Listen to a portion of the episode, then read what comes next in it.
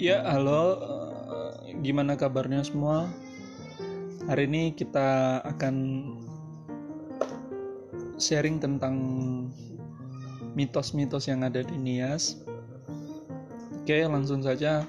Yang pertama yaitu dah, itu saja.